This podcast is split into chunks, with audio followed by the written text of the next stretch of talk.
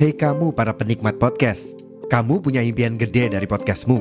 Tools di First Story bisa banget bantu kamu. Mulai dari F-Link, Dynamic Audio Insertion, sampai statistik yang komprehensif, semua ada di First Story. Gak ketinggalan, kamu bisa monetisasi podcastmu lewat iklan dari First Story Ads yang bisa kasih kamu penghasilan dari setiap place podcastmu. Yuk gabung sekarang dengan klik di firststory.me. Sekali lagi, di firststory.me. Mari kita bawa mimpi podcastingmu menjadi kenyataan.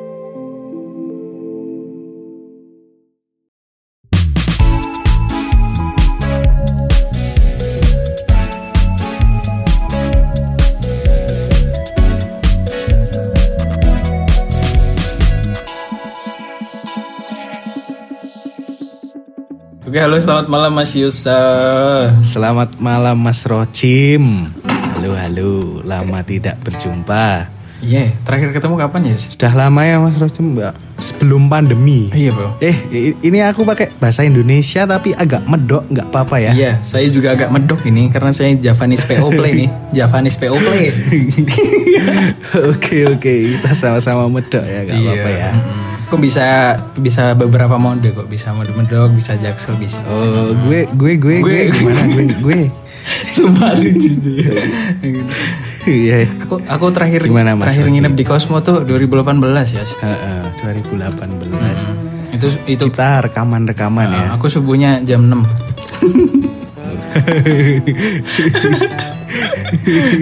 Iya rekaman-rekaman dulu aku sama Yosa ini eh, satu hobi kebetulan dia yang ngajarin aku main musik guys gitu. Hmm. Tangan dulu dong. Kalau nggak ada Yosa aku nggak bakal bikin podcast ini karena dia ngajarin aku ini sebenarnya FL Studio, Keras. cara ini audio selain sebagainya gitu. Thank you ya Yos ya. Iya sama-sama Tapi Mas Rocim ini ya memang apa ya Niat gitu loh apa Ambisius ya. itu Nah ya itu lebih tepat itu Aku emang ambisi banget. Jadi ya cepat belajarnya nggak nggak lama itu waktu itu kan aku baru awal-awal itu baru tahu kunci-kunci chord-chord dasar gitar gitu ya terus pas main musik sama Itu karena aku main bass tuh awalnya. Terus lihat wih kok chord-chordnya aneh-aneh gitu. Terus aku penasaran kan. Akhirnya aku beli gitar. Terus di Cosmo belajar kunci-kunci kayak gitu yang aneh-aneh gitu. Wih, ternyata keren juga seminggu seminggu lumayan tuh langsung bikin cover itu ya jauh di mata seru lah pokoknya masa-masa kuliah ini Iya banyak belajar lah intinya kalau pas eh, kuliah ya Ya, i. Eh, Yosa ini teman satu kampusku ya guys. Kita kenal waktu itu di eh, awal-awal masuk kuliah itu. Ospek ya mas istilahnya ya. Iya betul Hmm, Ospek ya. Jadi udah pernah dengerin podcastku belum Yos? Belum ya mesti. Pernah buka tapi cuma awal-awal Habis itu diblokir. Enggak enggak pernah pernah dek- eh, ya cuma sekilas-sekilas saja enggak yang setiap hari ngikutin enggak. Wih tiap hari nggak tuh? Jadi eh, buat kali ini ya teman-teman mungkin ada yang baru datang podcast ini jelasin eh, menjelaskan tentang beberapa, berbagai jurusan kuliah. Jadi buat pandangan kalian aja mungkin di sini ada yang mau kuliah atau mungkin baru semester awal yang ngerasa oh kayaknya ini bukan jurusanku. Ya bisa aja nih dengerin nih. Kali ini kita mau bahas jurusan apa sih Yos? Karena saya kuliahnya di jurusan arsitektur, jadi kita mau bahas peternakan. Klasik banget ini klasik, klasik. Iya. Oke guys, kali ini kita bahas jurusan arsitektur ya, karena aku juga kepo sebenarnya. Eh, karena aku lihat Yusa tuh kalau di kampus tuh gambar mulu dari pagi sampai jam 12 malam tuh masih di kampus dia kayak satpamnya kampus gitu. Iya. Jadi aku kepo seberat apa sih sebenarnya kuliah arsitektur sampai kayak gitu gitu. Jadi kalau buat yang awal-awal itu gimana ya kalau arsitektur apa? Masih kayak punya aku juga, masih kayak transisi anak SMA ada bahasa Inggris, agama gitu-gitu. Hmm. Ada penjaskes nggak? kalau di kampus enggak. Kalau olahraga itu sudah urusan pribadi masing-masing ya kalau di kampus ya. terus Jadi kalau ya kalau arsitektur awal-awal nganggapnya easy, gampang gitu ya, easy easy. Iya. Kenapa? Karena cuma pertama gambar, garis lurus, garis diagonal, terus banyak kerajinan. Kayak gambar teknik ya berarti? Belum, belum masuk situ dulu, masih belum? kayak dasar-dasarnya gambar gitu-gitu. Nah, tapi setelah semester 2 itu mau mulai kelihatan gimana sibuknya itu mulai gambar kerja dan yang paling saya suka adalah fisika bangunan. Paling saya suka ya. Dari namanya fisika Itu- bangunan aja ngeri. Nilainya C. Remedi ya berarti. Nah, ya Itu gambar intinya apa? gimana? fisika bangunan itu lebih ke rumus-rumus kalau misalnya eh, bangunan ini bisa panjangnya kolom itu seberapa maksimal Hmm. itu buat membantu untuk gambar kerja ya. Jadi itu hitung-hitung. Terus misalkan ada bangunan ini, misal bangunan segini nanti kuat berapa, bobotnya tuh Ah, betul, bisa menopang berapa kilo gitu-gitu ya. Jadi intinya ya Nah, fisika oh. bangunan, gimana dia menerima gaya, kemudian ya yang berhubungan dengan pengetahuan tapi pakai teori gitu, pakai rumus-rumus MC, delta T gitu-gitu. ya itu itu yang lebih Berarti bangunannya pakai sepatu fans ya kan gaya ya. Oh lah. Iya iya. iya.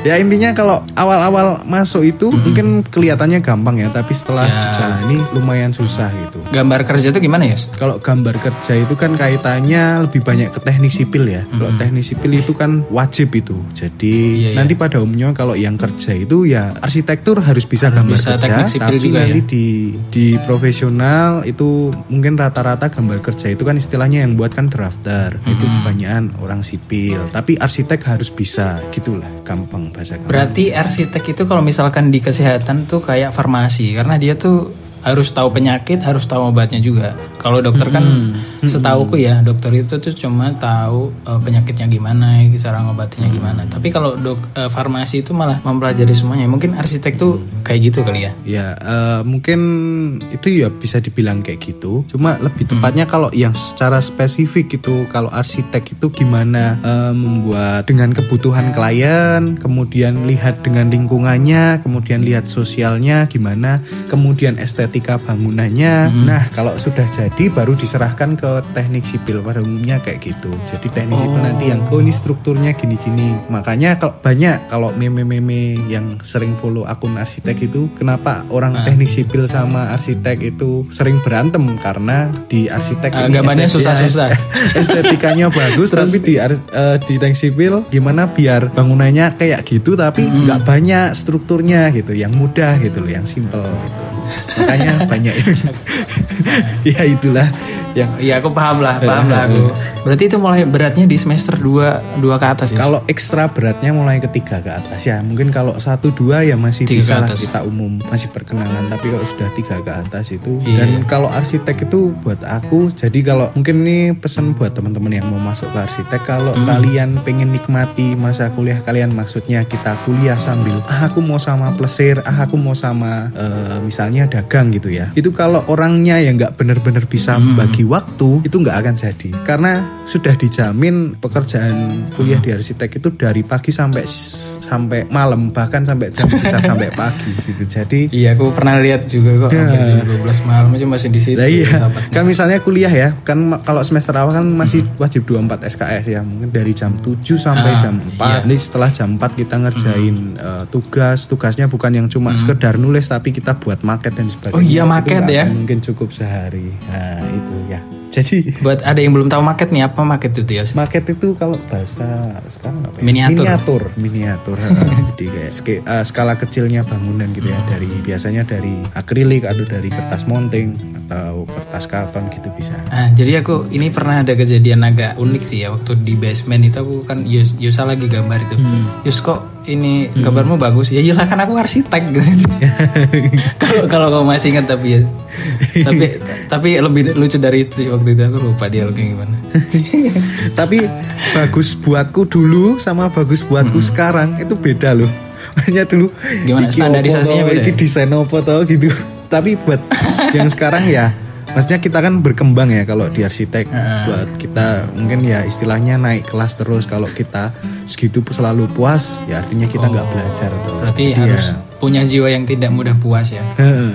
Betul, itu kalau arsitek harus gitu. Benar kalau arsitek basicnya harus banyak ini sih, banyak sering lihat. Harus perfeksionis nggak? Enggak sih, enggak harus sih. Tapi kalau Enggak ya? ya ya gimana ya kok perfeksionis itu ada, bisa perfeksionis itu semakin bagus, tapi kalau enggak pun juga juga Semakin ya bagus. enggak masalah. Ya kalau menurutku sih gitu karena Normal-normal perfeksionis aja ya. kadang bikin kerjaan kita enggak selesai gitu. Oh. kalau di kuliah ya, kalau di kuliah. Tapi emang Gimana, eh, gimana? dari kebanyakan rata-rata kuliah arsitek tuh emang semuanya pada sibuk gitu ya, Yos? Apa cuma punya apa kampus kita doang apa emang teman-teman arsitek yang lain kayak gitu juga? Apa lebih parah lagi, Mas? Bahkan aku bilang kalau kampusnya kita arsitek di kita itu masih ringan dibandingkan Oh, iya? arsitek di luar sana, apalagi di ITB yang mungkin yang sudah terkenal dengan arsiteknya gitu ya. Oh. Karena di sana benar-benar Hmm. misalnya gambar kerja salah satu mili aja itu sudah dicoret dan kalau sudah kecoret kita harus Ya ngulangi. ampun. kalau di kita masih Gambar ulang. Heeh, gambar ulang satu misalnya kalau denah lantai satu ya itu dan denah lantai satu diulang karena nyoretnya itu kan nggak stite tapi seret gitu ya biasanya kayak gitu Ya. nah ya Aduh pasti pusing banget itu. Terus aku tuh pernah ini pernah lihat di TikTok, terus bikin apa namanya tadi yang miniatur tadi apa oh, namanya? maket maket Maket bikin jembatan gitu loh ya, bikin jembatan penyeberangan tapi dari eh, stick es krim terus nanti dikasih berat pembeban di tengah gitu, kayak a- adu mekanik lah. Nah, kayak gitu juga nggak? simulasi gempa gitu loh Ah, simulasi gempa, pokoknya simulasi jembatan itu nanti eh, kuat nggak nahan bobot segini, Eh, teknisnya tuh harus gimana strukturnya. Di punyamu gitu juga nggak ada kayak games Sebenarnya kayak gitu? ada. games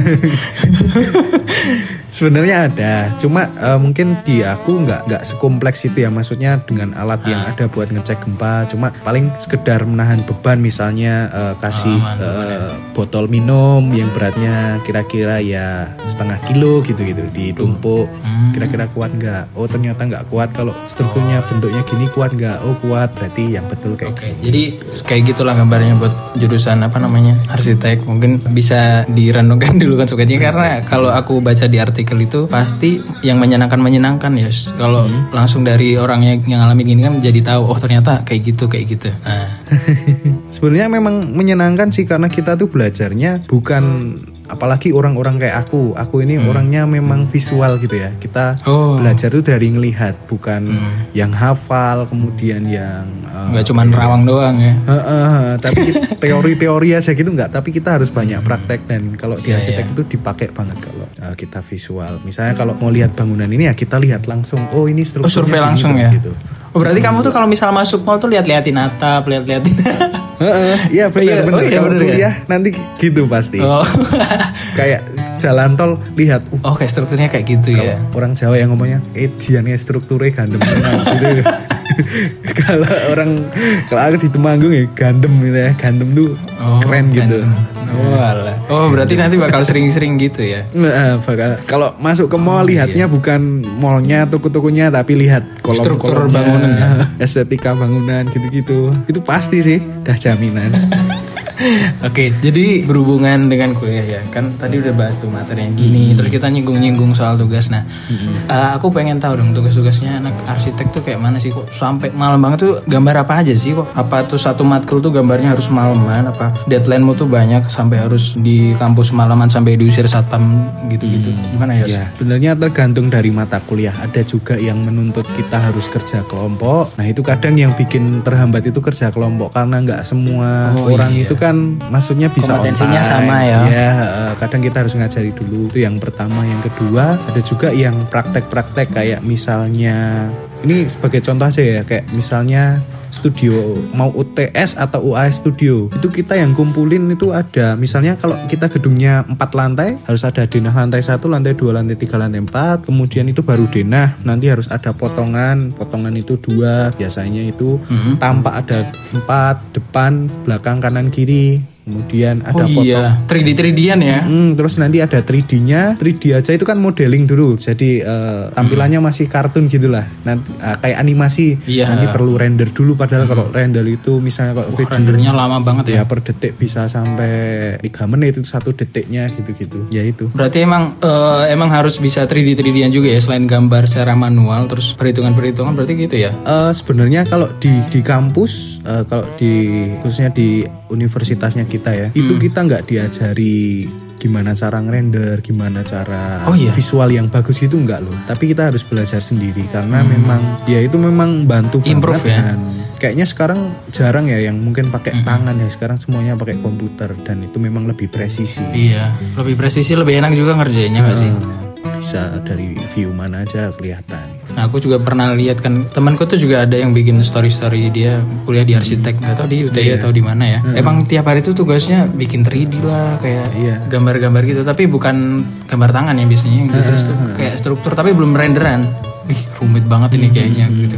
Oh, berarti ya tugasnya gitu gitu ya sketch gitu ya. ya. Heeh. Oh, itu. Ya kalau misalnya kita ada mata kuliah nih tiga misalnya satu arsitektur hijau misalnya kemudian arsitektur eh pemukiman gitu misalnya kemudian yang satu arsitektur vernakular. Lah tiga ini misalnya ngasih tugas buatlah misalnya bangunan yang ada green building atau arsitektur hijau. Kita harus mikir gimana buat bangunan yang green. Di lain sisi kita harus juga Biar temanya agraris. arsitektur vernakular jadi yang bersamaan itu kadang yang bikin kita kok lembur-lembur tuh kenapa Oh. ya itu Collab berarti collab berarti ya. collab Di collab. gitu. collab yang bikin konslet Berarti eh, harus cari tema yang agraris gitu, hijau-hijau gitu ya, Yes. Mm-mm, kalau vernakular kan tradisional gitu ya itu harus yang memang sesuai ya teorinya di vernakular apa Pantesan arsitektur Kalau- ya, duitnya kalau banyak. ya. teorinya di sini ya diterapkan ke bangunan kalau di green building ya diterapkan ke bangunan yang kita desain gitu sih Itu ada di Pinterest nggak? ada ada semua ada Oh, berarti referensimu dari Pin- Pinterest gitu. Nah, itu- Enggak, ini mungkin ada yang pengen tahu referensinya dari mana ya kalau desain 3D 3D terus struktur sebenarnya bangunan. kalau memang kalau buat aku paling bagus memang sekarang untuk saat ini di Pinterest memang Oh, emang ada ya. yang- Google itu Google banyak, tapi ke Google itu kebanyakan eh, nampilin gambar-gambar dari beberapa website beberapa eh, situs. yang kayak studio-studio mau jual rumah gitu loh. Oh, iya. Jadi iya. kayak liputannya tuh malah sekitar orang jualan rumah, bukan Hmm, memang contoh-contoh arsitektur-arsitektur yang unik gitu. Iya, enak iya, lagi iya, di iya. ini di Arts Daily itu archdaily.com itu enak banget kok. arts arts itu. Bisa lihat, Nah, catat nih teman-teman.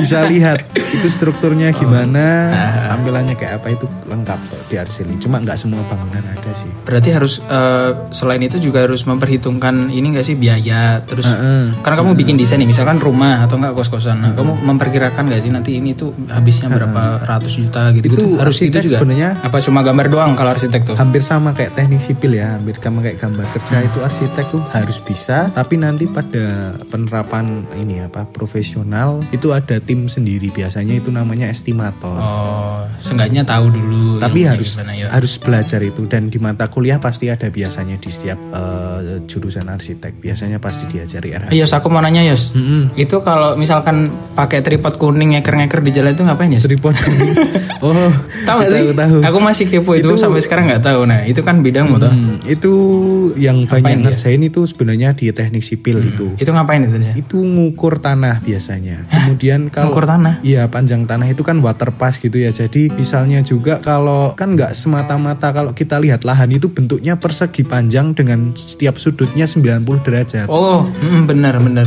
iya benar beda-beda situasional Beda tiga derajat aja misalnya itu kayak ya ini beberapa belum lama ini aku ngerjain kayak gitu. Jadi ya memang kita mau nggak mau perusahaan harus rugi karena itu kan geser sedikit. Sementara geser sedikit sampai pojok sana Ya. itu bisa sampai mundur 2 meteran. Padahal kalau misalnya ya ini atap atap dak itu atap yang dari semen itu itu 2 meter tuh bisa sampai beberapa juta gitu. Jadi dengan adanya alat itu itu sangat membantu buat survei. Biasanya buat lihat kondisi site. itu tampilannya gimana Yos kalau kita ngeker kayak gitu tampilannya gimana sih? Kalau itu namanya apa namanya? Kalau nggak salah water pass ya, eh, Water water, pass. pass. itu yang yang buat ngukur ke daratannya tapi ada yang ada lasernya itu aku lupa ya namanya apa ya. Intinya dia bisa lihat berapa derajatnya kemiringan tanahnya itu, Itu yang- kotaknya yang dilihat- itu bener-bener kotak apa enggak. Kayak kayak scoop tembak gitu kah Heeh, hampir-hampir kayak gitu. Oh sekarang aku jadi tahu guys. Nanti kan itu ada puterannya juga tuh. Malah kayak main sniper ya.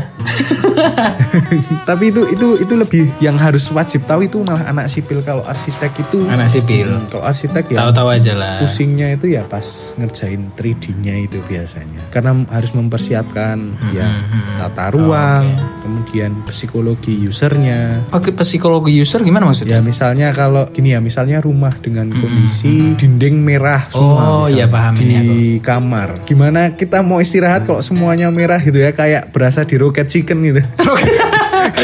Di rumahnya Ahmad Dhani kayaknya. Eh, terus gimana lampu misalnya? Kalau kita kalau sekarang kan mungkin lebih sering kita di kafe-kafe ada warm light gitu ya war- Iya, warna iya, agak kuning itu. kuning gitu hangat-hangat. Ah, itu iya. lebih kalem. Kayak mau ini inkubator telur. Iya, itu iya, kan iya. berkaitan dengan psikologinya uh, usernya Oh, juga. iya. Oh, Kalau- kayak gitu ya, Yes ya. Misalnya kita kalau di kampus pakainya lampu warm white itu kan nggak mungkin karena kita nulis nulis Ngantuk buku. ngantuk ngantuk. Itu kan juga berkaitan dengan Iya, psikologi. oh ngerti aku. Berarti kalau misalkan Itu ya contoh dengan pencahayaan gitu ya. misalkan pengen yang agak agraris gitu banyakin cahaya di mana-mana gitu ya. Kan harus tanaman kan harus ada cahaya. Hmm, kalau buat masak jangan yang warm Iya. white. kebetulan gitu. aku kemarin juga waktu desain kamar itu tanya Yosa ini bagusnya warna apa nih Yos? Karena kan tembokku hijau atas itu bagusnya apa gitu. Masih ingat gak ya waktu renov nah itu dia. Itu gunanya punya teman arsitek teman-teman. Konsultasi gratis Tapi ya eh, apa ya kayak gitu itu istilahnya senengan. iya ya Faan ini selera selera selera senengan selera itu apa ya? Nggak semua orang punya selera desain yang sama gitu ya. tapi selera aku sama seleramu sama kok Yos Oh siap. Soalnya selera aku cindo. ini bukan ngomongin ini ya. Nggak, Canda doang guys, canda doang teman-teman ya, biar nggak serius-serius amat. Oke, yang terakhir nih skripsinya kan namanya orang kuliah ada skripsi tuh Yos ya. Nah skripsinya tuh gimana Yos? Apakah harus riset gitu, riset ke tempatnya langsung? Apa bikin mall, apa bikin rumah aja boleh? Apa gimana sih? Aku arsitek tuh gimana? Kalau riset jawabannya itu jelas harus ada karena kita benar-benar eh, buat desain untuk kondisi lahan yang benar-benar ada gitu. Kalau di kampus kita, hmm, kampusku gitu ya. Di kampus kita lah ya. Hmm, di kampus kita itu eh, ada skripsi sama tugas akhir dua kali. Jadi skripsi ini yang berkaitan dengan teori-teori semua. Jadi misalnya aku kan buat ekowisata. Rawa pening ya, rawa pening kan kemarin. itu. Nah kan buat ekowisata. Jadi aku Masih ingat aku, guys. Nah di situ di skripsi aku dijel, aku jelasin eh, ekowisata itu apa. Terus aku di dalam ekowisata nanti ada apa? Ada bangunan panggung. Jadi harus teorinya bangunan panggung gimana. Aku mau cari arsitektur vernakuler. Ah, itu di skripsi gimana arsitektur vernakuler. Jadi isinya teori semua. Dan kalau ada rumus teori. ya di situ. Terus eh, nanti harus bikin ini nggak? Bikin desain juga dong? Iya, lah untuk bikin desain itu di tugas akhirnya. Jadi kalau kemarin aku ke Hmm. Aku kan eh, lokasinya di Rowo Pening. Jadi aku harus lihat ke Rowo Pening langsung. Kayak kemarin gitu. Eh, besok aku mau ke rawa pening. Pokoknya kita waktu itu janjian apa ya? Semua Google Meet apa gitu ya? Ya? Eh, aku iya, aku sih. ya. Udah lama itu, udah lama banget ya. Tiga tahun yang lalu, apa dua tahun? Dua ya? tahun yang lalu itu. Nah, eh, itu aku harus survei ke sana, terus ya lihat kondisinya di sana, arah matahari di mana, anginnya ke mana. Oh harus arah arah matahari arah angin juga ya kayak sniper bener Iya, itu, ini. itu ada nanti di teori teori-teori di arsitektur. Terus Oke. drainase arah airnya ke mana, topografinya Asem, gimana. rumit banget anjir. ya, ya gitu. Mau bikin sawah apa mau bikin rumah ini? itu. Terus nanti setelah itu Iya. sudah eh, kita tentukan site-nya ukurannya segini berapa hektar. Terus aku buat desainnya di 3D model, nanti sudah jadi. Gila ini. Nah, sekarang skripsinya dilengkapi dengan eh, desain yang sudah ada. Jadi Oke, di bab 4 itu biasanya ya. Heeh, betul betul Bab 4. Wih, Aku nih anak skripsi loh guys, nggak beli loh nih. Tahu lah. ya. Nah, terus sudah jadi satu semua, kumpulkan lah baru setelah selesai semua. Nanti biasanya eh, setelah itu kalau dari kampus kita itu Hmm. menyediakan klaim hak cipta. Jadi desain kita itu nanti ada hak ciptanya. Ya betul. Jadi sudah ada hak Oh, ciptanya. copyright, copyright. Desain kita aman atas nama kita gitu. Biasanya gitu Oke, sih. jadi buat gambaran skripsinya gitu ya guys, emang harus emang survei sih yang jelas dan eh, pasti berhubungan sama tugas-tugasmu sebelumnya karena kan kalau udah terbiasa sama tugas nanti skripsi juga bakal lebih mudah ya nggak sih Yos? Cuman levelnya aja yang agak rumit mungkin ya. Sebenarnya kalau skripsi sama tugas akhir itu bukan susahnya, tapi Malesnya. melawan malesnya Ah, gitu. bener. Kayaknya hampir semua Iya, semuanya kayak gitu, semua mat gitu ya. Kecuali aku ya guys ya. Wih, keras. Iya, iya. Tapi tapi ini ini ini ya apa nggak semua kampus sama dan nggak setiap angkatan itu Hmm. Iya. sama. Mu- Kemungkinan ada yang beda ini. Aku kemarin dengar beberapa waktu lalu sekarang konsep tugas akhirnya sudah beda lagi nggak Oh, beda seperti lagi. yang aku dulu gitu. Ya, pasti upgrade upgrade terus nggak sih? Mm-mm, update terus. Jadi Hmm. caranya ada yang mungkin sama magang gitu, dia ngambil skripsinya dari magang, dia ngambil skripsinya dari kerja. gitu Oh, alternatif bisa. ya, dikasih alternatif gitu berarti ya. Hmm, hmm, dia bisa. Oh. gitu. Sekarang Oke, yang terakhir ya sebelum kita tutup nih ya, Hmm. tipsnya nih buat yang masuk jurusan arsitek itu gimana? Apakah dia harus suka gambar dulu? Apa dia harus gimana sih Yos? Selain dari niat ya, apa harus punya skill dulu, skill desain, skill apa gitu? Kalau aku sih nggak mewajibkan orang-orang yang punya skill harus punya skill desain. Cuma memang dengan adanya skill desain, terus kita suka, maksudnya kayak IPA gitu ya, kayak wah suka bangunan gitu, itu bakalan kepake banget di arsitektur. Kita punya selera desain yang bagus, otomatis desain-desain kita di bangunan juga bagus. Karena tahu proporsional apa enggak gitu itu sangat membantu kita. Sedikit passion lah ya. Ha-ha. Tapi buat orang yang nggak punya passion di sana pun bisa dipelajari kok asal kita mau yaitu yang aku bilang tadi banyak referensi kita bisa lihat-lihat nanti itu berkembang kemampuan kita analisa visual. Jangan malas nanya deh, Hmm, jangan malas nanya. Jangan Biar minder bisa- buat nanya-nanya. Betul. Oke, yaudah ya terima kasih ya sudah mau ngobrol-ngobrol sharing-sharing jurusan arsitek. Mungkin di sini yang mau yang dengerin ya kayak gitulah kabarnya bisa dipilah-pilah lah konsekuensinya. Kira-kira sanggup nggak gitu? Kita cuma ngasih kabaran aja ya nggak? Oke siap. Udah, terima kasih. Jangan lupa di follow buat podcast ini ada di Spotify dan Instagram. Eh, nanti kalau misalkan mau kepo-kepo atau tanya Yosa boleh. Nanti Instagramnya aku ditaruh di deskripsi. Gak apa-apa ya. Iya ada. Direpotin dikit. Kemarin soalnya farmasi tuh banyak yang nanya-nanya Yos. Soalnya cewek sih. Ada yang nanya-nanya. Iya bener. yang nanya juga cewek. Oke, jadi sampai coba di episode jurusan lainnya mungkin eh, bakal ada beberapa jurusan lagi ya ditunggu ya. Terima kasih Yosa sekali lagi sukses terus Oke, karirnya. Nanti kita meet and greet ya Yos ya. Oke Mas Roci. Oke, see you di episode selanjutnya. Bye bye guys. Oke oke.